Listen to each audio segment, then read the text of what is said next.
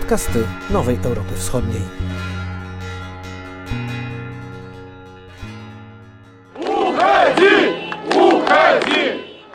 To Białorusini domagający się odejścia prezydenta Aleksandra Łukaszenki. Iskrą, która podpaliła ulicę, było fałszerstwo wyborcze 9 sierpnia 2020 roku. Pomimo ogromnej mobilizacji przed głosowaniem i widocznego poparcia dla Swietłany Cychanowskiej przed drugą turą wyborów, władze podały, że Aleksandra Łukaszenkę poparło ponad 80% obywateli. Białorusini wyszli na ulicę przeciwko kłamstwu, przeciwko reżimowi, który odpowiedział przemocą. Letarg społeczeństwa i represje wobec tych, którzy zapaść w niego nie chcieli, nie są jednak czymś nowym. Choć 26 lat temu wyglądało to inaczej.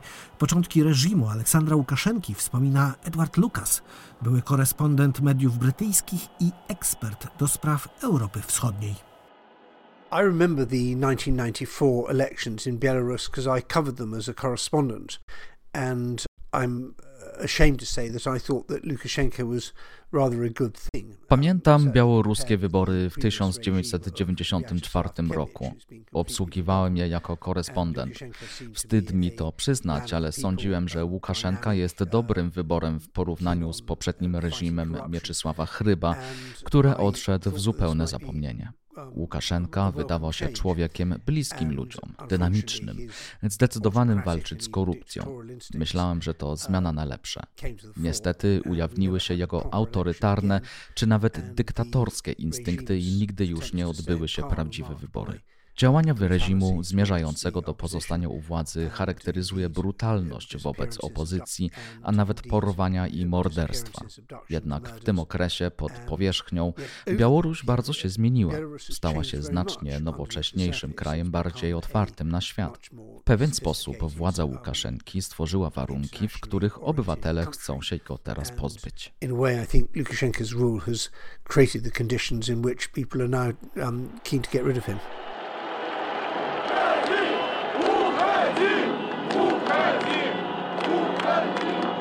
Skala demonstracji, a wcześniej poparcia dla opozycyjnych kandydatek, a zwłaszcza dla Swietłany Cychanowskiej, była szokiem dla władz, ale też zaskoczeniem dla bardzo wielu obserwatorów. Chwilami samym Białorusinom trudno było uwierzyć w to, co się dzieje.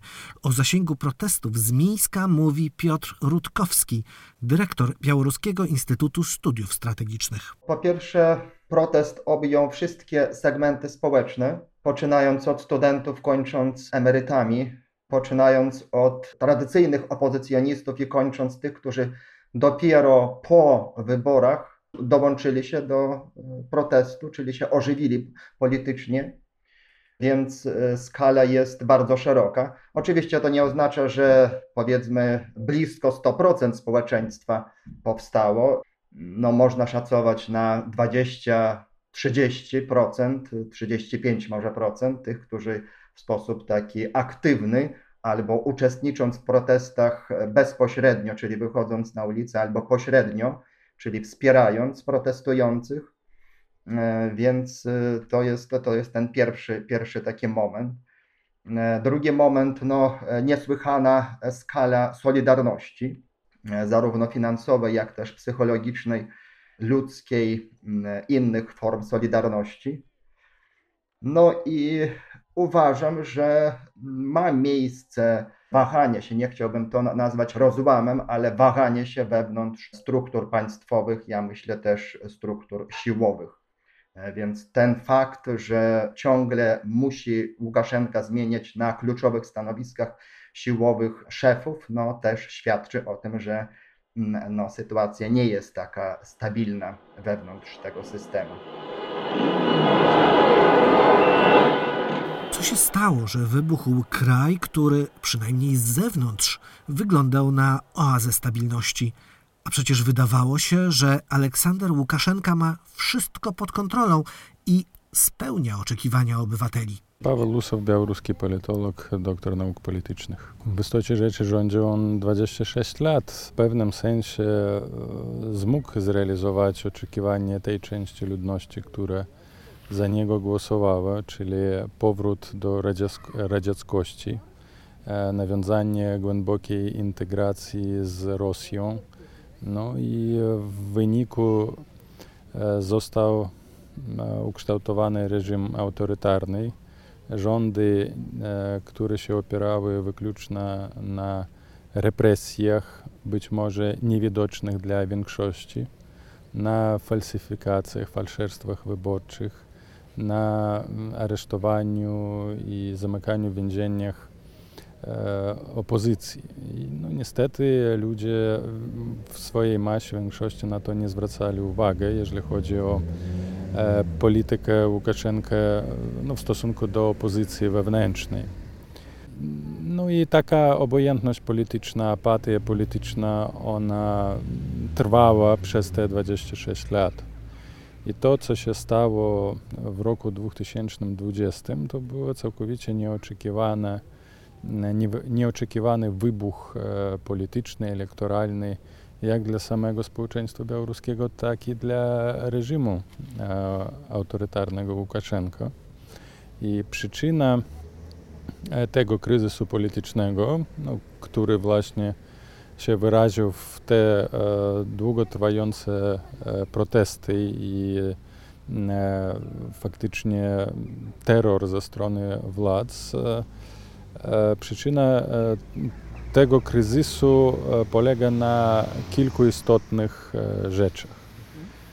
I warto również wskazać na pewny moment, który doprowadził do zmiany w orientacjach, w oczekiwaniach społecznych w oczekiwaniach większości. I ten e, moment e, zwrotny jest powiązany pierwotnie z koronawirusem, a drugi moment z początkiem kampanii wyborczej, w, w której się pojawili nieoczekiwanie, jak i dla systemu, tak i dla społeczeństwa, osoby, które do tego momentu były e, poza polityką tradycy, tradycyjną. Wiktor Babaryko, Walery Cypkalo i Sergiej Cichanowski. Kroplą wody, która przelała czarę goryczy na Białorusi, była pandemia koronawirusa. Choroba była ignorowana, nawet ośmieszana przez prezydenta Łukaszenkę, tak jak tutaj, mówiącego, że żółty ser jest lekarstwem na COVID-19. Kucza żurnalistów, gdzie tylko pojeść. No prawильно. Сыры – это антиковидное хорошее лекарство, чтобы вы знали. Koronawirus stał się dla Łukaszenka swoistym Czernobylem. Pierwotnie, jak w krajach Unii Europejskiej, w ogóle w świecie i w Rosji zaczął się lockdown, Łukaszenka, jak pamiętamy, zrezygnował z takich restrykcji. Jeżeli chodzi o e, ograniczenie poruszania się, tam, e, zamknięciu szkół, e, kwarantannie na przedsiębiorstwach, tego na Białorusi absolutnie nie było. I początkowo luty, marzec ta polityka Łukaszenka była odbierana dość pozytywnie, nawet w krajach sąsiednich. Wszyscy patrzyli na to, jak Łukaszenka walczy z, skutecznie z wirusem. Ale jak stało widoczne, że koronawirus jest chorobą bardzo groźną i kiedy trzeba było w pewnym sensie zmienić retorykę, nawet może być politykę i kiedy nawet w samym społeczeństwie białoruskim, które początkowo wspierało Łukaszenkę w tej, w tej, w tej strategii, zaczęło wątpić w prawidłowość tego podejścia, zaczęły się ukazywać informacje o brakach, o poważnych problemach w szpitalach, o umarłych i ta liczba zaczęła rosnąć.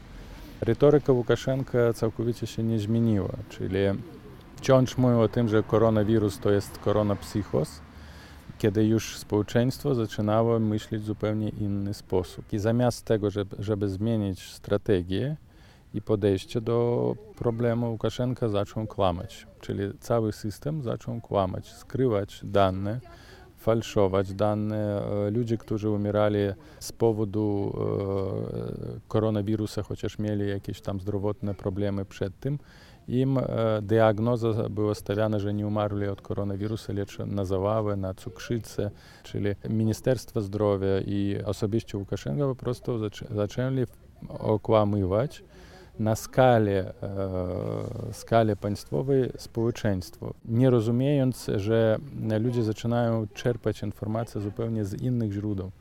Jeżeli w Związku Radzieckim jeszcze była jakaś kontrola za środkami przekazu masowego, to na Białorusi władze całkowicie utracili monopol nad informacją. I to jest drugi problem, dlaczego stało się tak, jak się stało.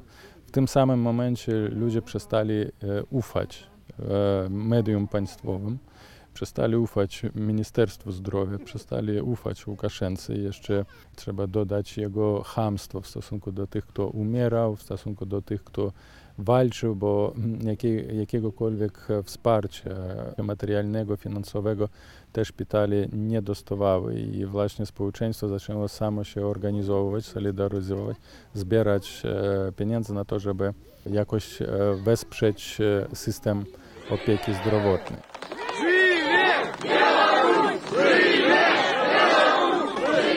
Lubakowa, dziennikarka białoruska. Punktem ważnym dla Białorusinów oczywiście była pandemia, prawda? Ale też kłamstwa, które Białorusini słyszeli z, z ekranów jak jeździłam przed wyborami po, po całym kraju, też rozmawiałam z ludźmi i oni mówili, że jakby to, jak im kłamano, okłamywano po prostu ludzi, też sprzyjało do, temu, że zarówno jakby zaufanie do mediów niezależnych, do mediów społecznościowych, do blogerów bardzo mocno wzrosło. Media rządowe no, same przyczyniły się do tego, że właściwie zabiły tak, zaufanie w, w siebie. Tak? W ciągu ostatnich lat rząd bardzo jakby mocno oczywiście stawiał na telewizję, jakoś tam starał się rozwijać tę telewizję. Natomiast bardzo zignorował te media społecznościowe, tak? Ignorował tych blogerów, który, którzy rozpowszechniali informacje alternatywną, neutralną, obiektywną, i tam jakieś starali się tak przynajmniej to robić, więc, więc jakby oni sami przegrali. Rząd sam przegrał. Czy ludzie jakby całkowicie ignorują? Na pewno nie. Rozmawiałam z ludźmi w regionach, czy, czy tam po prostu na wsiach, tak? I bardzo często no, to jest jedyny, jedyne źródło informacji. I ja myślę, że tutaj też może działać taki mechanizm, że no nie wszystko może być nieprawdą. Nie mogą kłamać na 100%. Coś musi być prawdą. I to jest oczywiście niebezpieczne. To bardzo dzieli naród. On was ginie! On was ginie! On was ginie! On was ginie! Brak zaufania do mediów państwowych, do propagandy i niechęć do tej propagandy stworzyło zupełnie inną sytuację informacyjną. Ludzie zaczęli szukać informacji w opozycyjnych lub alternatywnych środków, środkach przekazu masowego. W tym okresie stali bardzo popularnymi telegram kanały, czy ludzie sięgali po informacje właśnie tam. I rzecz jasna, że rysunek sytuacji w tych alternatywnych środkach informacyjnych był zupełnie inny. Ludzie zrozumieli, że ich okłamują. Czyli system stracił monopol na informacje i system stracił monopol na kształcenie światu. Ludzie zrozumieli, że państwo Łukaszenki równa się kłamstwu. A poza tym Łukaszenka w swoim tradycyjnym podejściu chciał pokazać, że jest gospodarzem sytuacji swoją brawurę. W tym samym okresie kiedy już był szczyt zakażeń na Białorusi, nie były zamykane cerkwie prawosławne, ludzie szły do, do, do cerkwi akurat w, w tym okresie to była Wielka Noc Prawosławna i tłumy ludzie się zbierali, gromadziły się w tych cerkwiach i to jeszcze więcej zwiększyło liczbę zakażeń. Druga rzecz, były te tak zwane subotniki, kiedy pracownicy zakładów instytucji państwowych musieli przymusowo brać udział w sprzątaniu, w jakichś tam pracach społecznych. I to przymusowo w warunkach koronawirusa, kiedy nawet Rosja była na lockdownie i nawet zamknęła granice. No i ostatnim takim uderzeniem w siebie, strzałem w głowę, to była organizacja defilady na 9 maja 2020 roku, w dzień zwycięstwa nad Niemcami faszystowskimi. Nawet Moskwa musiała zrezygnować z tej defilady, która była najważniejsza w ich ideologii. I to właśnie po raz pierwszy była taka rewolucja milczenia, bo w tej defiladzie maksymalnie wzięło udział 15 tysięcy ludzi kiedy wcześniej na te różne uroczystości się gromadziło tam do 50-100 tysięcy. To już pokazywało, że coś jest nie tak, lecz władza i Łukaszenka osobiście nie zwracał na to uwagi. On was kinie! On was kinie! On was kinie! On was kinie! Właśnie w tych okolicznościach się pojawiają trzej nieznani. Wcześniej polityka, czyli Sergiej Tychan, Tychanowski, który był blogerem.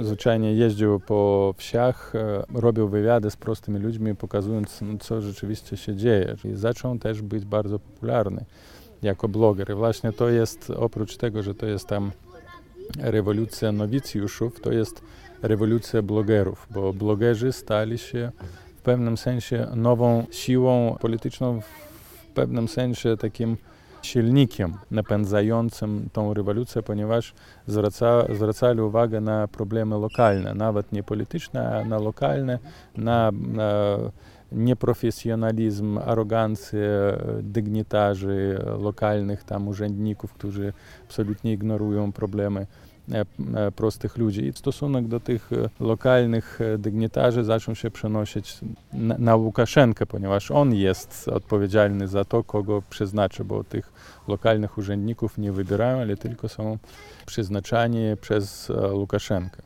Kryzys zaufania do, również do tych lokalnych funkcjonariuszów też się przeniósł na Łukaszenkę i zniszczył takie wsparcie lokalne dla, dla, dla niego, ponieważ wieś, te małe miasteczka zawsze były po jego stronie, zawsze głosowali na Łukaszenkę, nigdy ich nie interesowała prawa człowieka czy możliwość wyboru, chodziło o proste rzeczy które w końcu zaczęły być artykulowane. Na to wszystko się narzucał koronawirus i ludzie widzieli, że ich ignorują, po prostu problemy ignorują. Cichanowski raczej był takim głośnikiem, który artykulował problemy mniejszych społeczności, no, czyli po prostu przywódca proletariatu, ponieważ intelektualiści raczej trzymali się dystansu. Ale nagle się pojawia Wiktor Babaryko, który był bankerem przez 20 lat, był dyrektorem Belgazprom Banku, czyli jedna z no, autorytetnych instytucji, chociaż i powiązana z Rosją, bankowych, finansowych na, na Białorusi. Babaryko zaczął przyciągać uwagę klasy średniej, i nomenklatury średniej, czyli w końcu dla ludzi nawet różnych warstw pojawiła się alternatywa, której oni nie wiedzieli, ponieważ przed procesem wyborczym tradycyjna opozycja chciała zrealizować jakiś wspólny projekt, wyłonić z tych różnych rozbitych i osłabionych partii politycznych swojego jedynego kandydata, powtórzyć scenariusz z roku 2006, lecz to się spotkało z totalną klęską. To rzeczywiście pokazało, że ani wsparcia, ani zaufania do tej tradycyjnej opozycji nie ma i że sensu brać udział w kampanii wyborczej po prostu nie ma.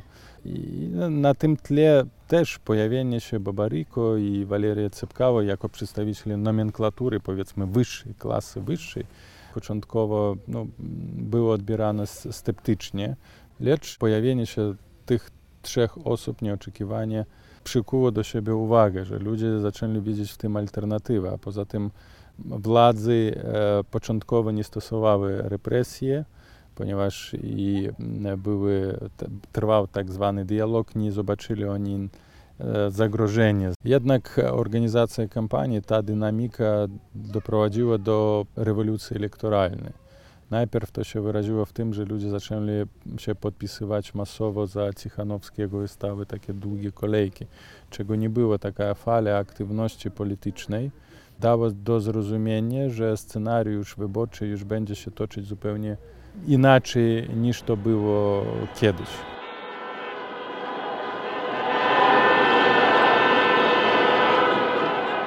Anton Suflajew ze Studium Europy Wschodniej Uniwersytetu Warszawskiego podkreśla, że odpowiadając na wybuch społecznego niezadowolenia, reżim białoruski zareagował w dobrze znany i wyćwiczony sposób, czyli represjami. Warto rozumieć, że to, co się dzieje na Białorusi teraz i się działo w sierpniu, wrześniu, nie dzieje się tylko w tym roku, 2020. To już jest co najmniej od 20 lat. Mówię o represjach i przemocy przede wszystkim, bo y, już od początku XXI wieku Łukaszenko zaczął stosować te wszystkim znane metody, czyli praktyka e, tłumienia protestów przy pomocy siły, plus e, do tego e, wszystkim znane zniknięcia znanych osób, których nie odnaleziono ciała, no podejrzewamy, że ciała. To jest minister Zacharynka, to jest dziennikarz, operator telewizji państwowej rosyjskiej, Zawadzki. Więc już od wtedy, od tamtego czasu te represje państwo zaczyna stosować ciągu tych 20 lat represje przybrały zupełnie rozmaite, mają zupełnie rozmaite formy. Od bezpośredniej przemocy, podejrzewamy, tak, czy całe społeczeństwo podejrzewa, że też zabicie, porywanie ludzi, brutalna siła wrzucania, czyli więźniowie polityczni, to jest stały element w ogóle polityki wewnętrznej Białorusi, represje gospodarcze, blokada e, możliwości do zdobywania wykształcenia, Generalnie to teraz obserwujemy w pigułce to, co się dzieje na Białorusi przez 20 lat. Teraz się wszystko dzieje w ciągu tych trzech miesięcy. Białoruska socjolożka Aliena Agarieli-Szewa zwraca uwagę na skalę i powszechny charakter represji, które dotykają każdego, kto odważy się wyrazić sprzeciw wobec władzy. Надо понимать, что, к сожалению, по отношению к политикам белорусским, которые... W białoruskiej sytuacji należy pamiętać, że represje wobec opozycyjnych Łukaszence polityków były zawsze. Dlatego nie jest to nic nowego. Nie jest to wynalazek 2020 roku. Trendem tego roku jest to, że represje niewątpliwie stały się masowe i powszechne, ponieważ masowy i powszechny stał się protest. Niespotykana wcześniej liczba mieszkańców stanęła do walki z reżimem. Jakie są represje? Po pierwsze, represje to zatrzymania, pobicia i nieraz tortury podczas zatrzymania czy w areszcie. Po drugie, to represje ekonomiczne. Na przykład firmy, które wsparły protesty i strajki, mają teraz specjalne i bardzo szczegółowe kontrole służb. Po trzecie, i to jest nowy wymiar, szykanowane są wspólnoty mieszkaniowe. Te na osiedlach, budynkach, na których pojawiły się flagi, czy były wyświetlane filmy, czyli cały ten biało-czerwono-biały zryw, dostają kary, czyli represje są wobec wszystkich środowisk, które protestują. Все сообщества, которые сейчас включаются в борьбу, на них оказываются разного рода репрессии. Pomimo brutalnej reakcji władz, protesty nie ucichły. Trwają, przeobrażają się, powstaje wręcz pewna rutyna, o której z Mińska mówi poeta i pisarz Andrzej Hadanowicz. Wrzesień, październik, dziwne miesiące, nie tylko masowe protesty, ale głównie działalność związana no, z dzielnicami, gdzie mieszkają ludzie.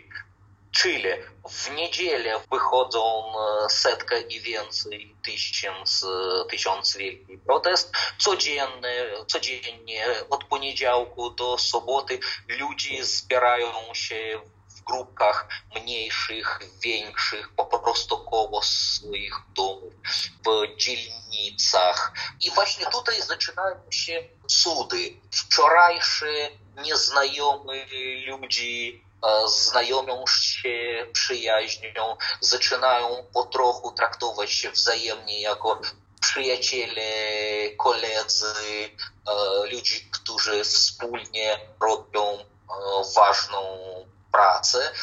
I z jednej strony zrobić tak, żeby swoja dzielnica wieczorem wyglądała no tak, na, na, na prawdziwą białoruską dzielnicę, czyli, czyli ozdoblenie.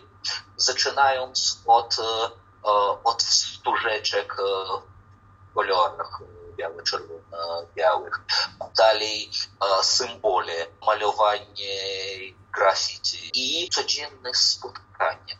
Spotkanie przy herbacie, przy ciasteczkach, bez, bezalkoholowe, od razu trzeba powiedzieć z pewnych powodów, żeby nie przyciągnąć jeszcze do tego uwagi. Ludzie pomyśleli, że no, mało tylko tych spotkań sąsiedzkich, a trzeba pojednać to z, ze sztuką, z edukacją i zaczynają zapraszać gości. Хутка рухне, рухне, рухне, не поховай свет старый.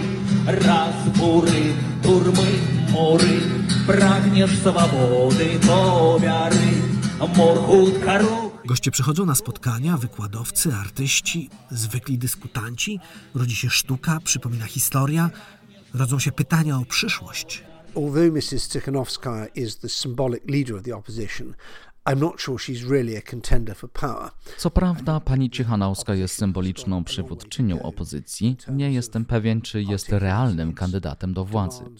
Opozycja ma jeszcze długą drogę przed sobą, zanim sprecyzuje żądania i umocni się w formie poważnego ruchu oddolnego, na wzór Solidarności w Polsce w latach 80. Zrobili bardzo obiecujący początek, wygrywając bitwę o ideę i kreatywność. Ich entuzjazm jest wzruszający ale jeżeli chcą pokonać reżim liczbą zwolenników, to czeka ich jeszcze praca. Myślę, że opozycja na razie odłożyła na bok kwestię geopolitycznej przyszłości Białorusi. Na razie mowa jest o wolnych wyborach, uwolnieniu więźniów politycznych i usunięciu Łukaszenki, a wszystko inne może zaczekać. free election, the, the release of political prisoners, and the remo removal of Lukashenko, and everything else can wait. Ale czy na pewno może zaczekać? Po raz pierwszy od dawna odpowiedź na to i inne pytania można zadać samym Białorusinom. W kolejnych podcastach przedstawiamy różne oblicza zmieniającego się społeczeństwa i kraju, a o zdanie przede wszystkim pytamy Białorusinów.